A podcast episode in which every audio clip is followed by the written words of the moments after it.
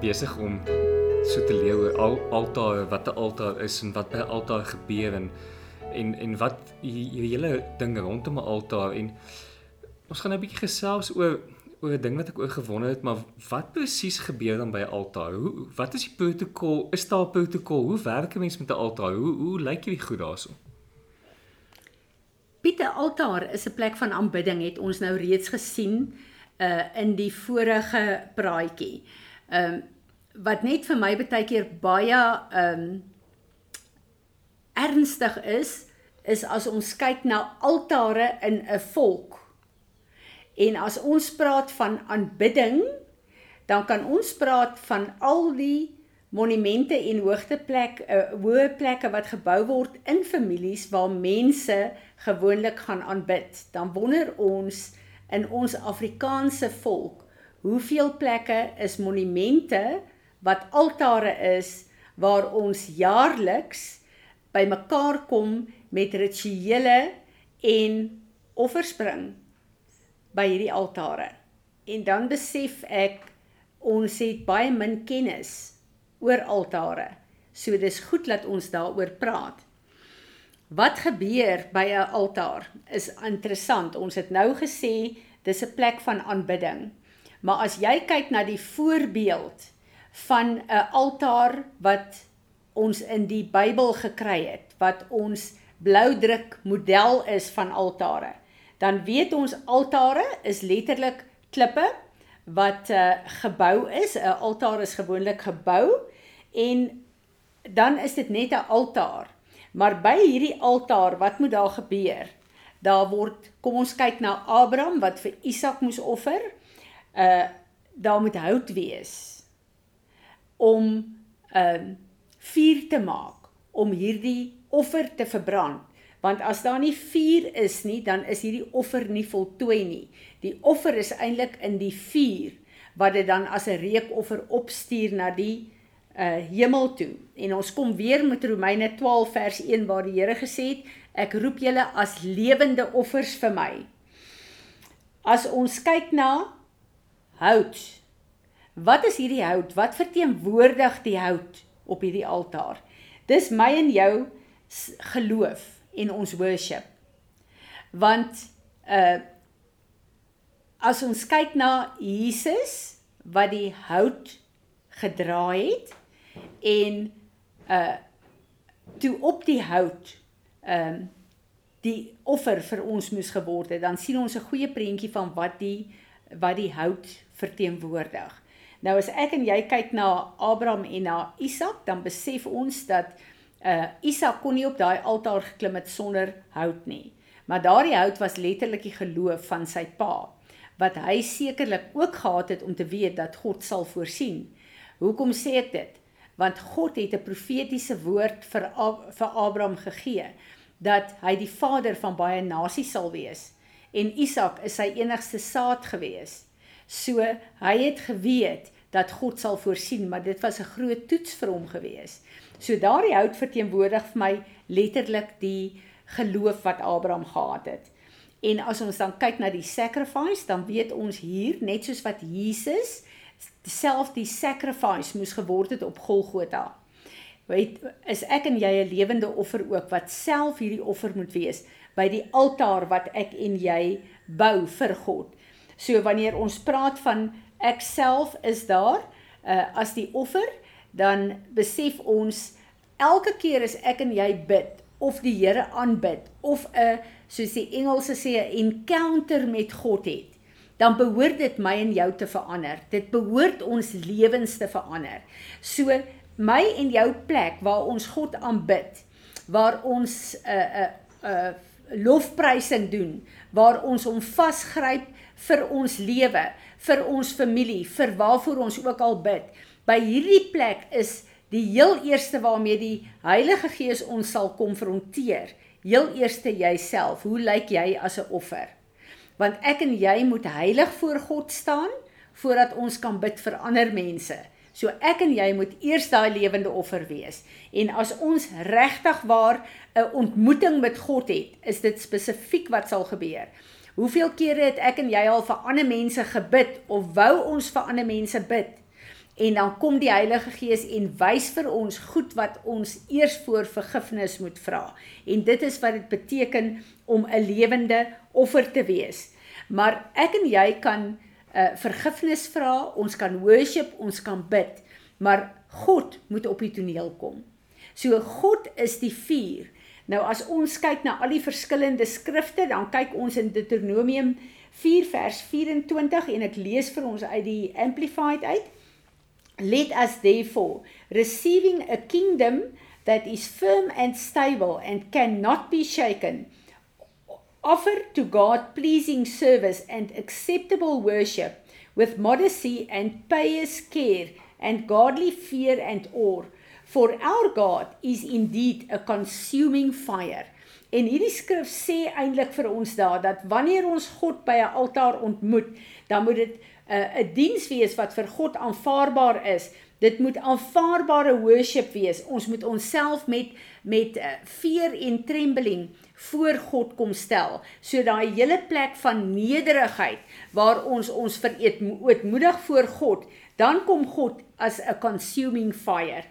Uh, ek lees ook graag vir ons uh, Matteus 3 waar, vers 11 waar Jesus gekom het en gesê het Indeed I will baptize you with water because of re repentance. That is because your change you of your changing minds for the better hardly amending your amending your ways with uh, abhorrence of your past sins but he who is coming after me is mightier than I whose sandals I am not worthy or fit to take off or carry. He will uh, baptize you with the Holy Spirit and with fire. Hier kom Jesus en hy kom gee vir ons hierdie hele voorbeeld en hy sê dat uh uh natuurlik wanneer ons ons wanneer ons gedoop word deur water, dan beteken dit ons sê ons gaan ons gedagtes en ons gedrag verander. Maar na ons doop om toestemming te gee, moet daar 'n plek wees in ons verhouding met God, die altaar wat ons bou, waar God ons kan ontmoet met vuur om uh deur sy vuur te kom. Wat vir my so amazing is van God se vuur is dat wanneer sy vuur oor ons brand, dan brand dit alles van ons vlees weg. Maar wat van God af is, bly staan. Dan kyk ons na die skrif in in uh 1 Petrus waar hy sê uh wherein you greatly rejoice uh though now for a little, a little while if need be you have been put to grief in manifold trials that the proof of your faith being more precious than uh, gold that perisheth though it is proved by fire may be found unto praise and glory and honor at the revelation of Jesus Christ. Wat dan hier kom en sê van tyd tot tyd word ons in die vuur gesit sodat alles in ons lewe wat nie lyk soos God nie by hierdie altaar afgebrand kan word. En dan kyk ek en jy na die die bekende uh, gedeelte in die Bybel wat ons baie goed ken, ehm um, toe Daniël se vriende uh nie by 'n afgodsaltaar wou buig nie, is hulle in die vuur gegooi om vernietig te word deur daardie afgode. Hulle is vasgebind met toue sê die woord. En in die vuur is net die ehm um, toue waarmee hulle gebind is afgebrand. Maar Jesus het saam met hulle in die vuur gewandel. so wanneer ek en jy verstaan wat dit beteken dat ons God ontmoet by ons altaar wat ons vir hom oprig, dan nie net kom ver, verwyder hy en verbrand hy met sy vuur al die goed wat bindinge op my en jou plaasvind nie, plaas uh, uh, uh, uh, in ons lewe plaas nie, maar Jesus self ontmoet ons. Hy wat die perfekte offer is tot in alle ewigheid, wat op die kruis van Golgotha die altaar gehang het om hierdie offer vir ons te volbring.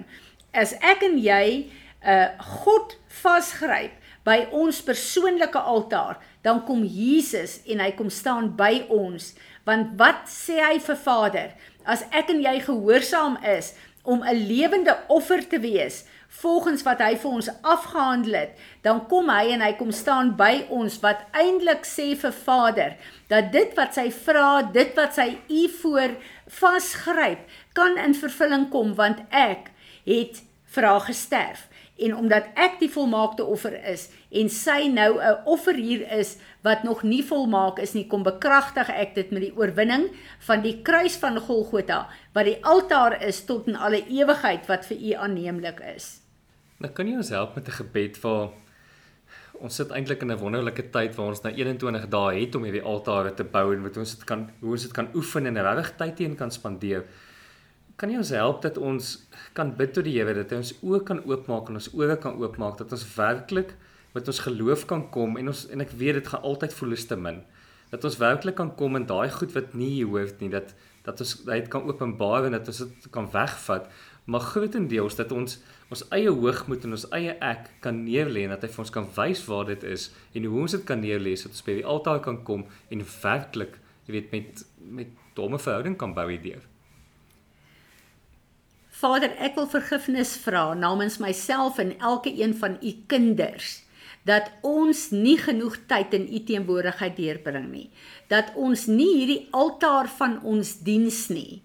En Vader, dat daar kole is wat koud word en wat afgekoel het en wat as is.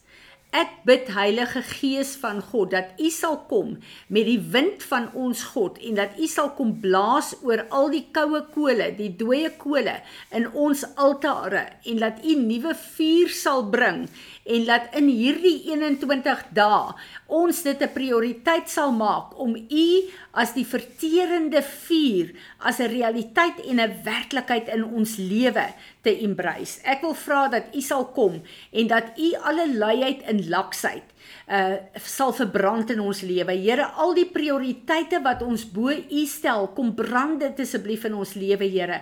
Al die toue waarmee ons onsself en die vyand ons kom vasbind en wegbind van U af.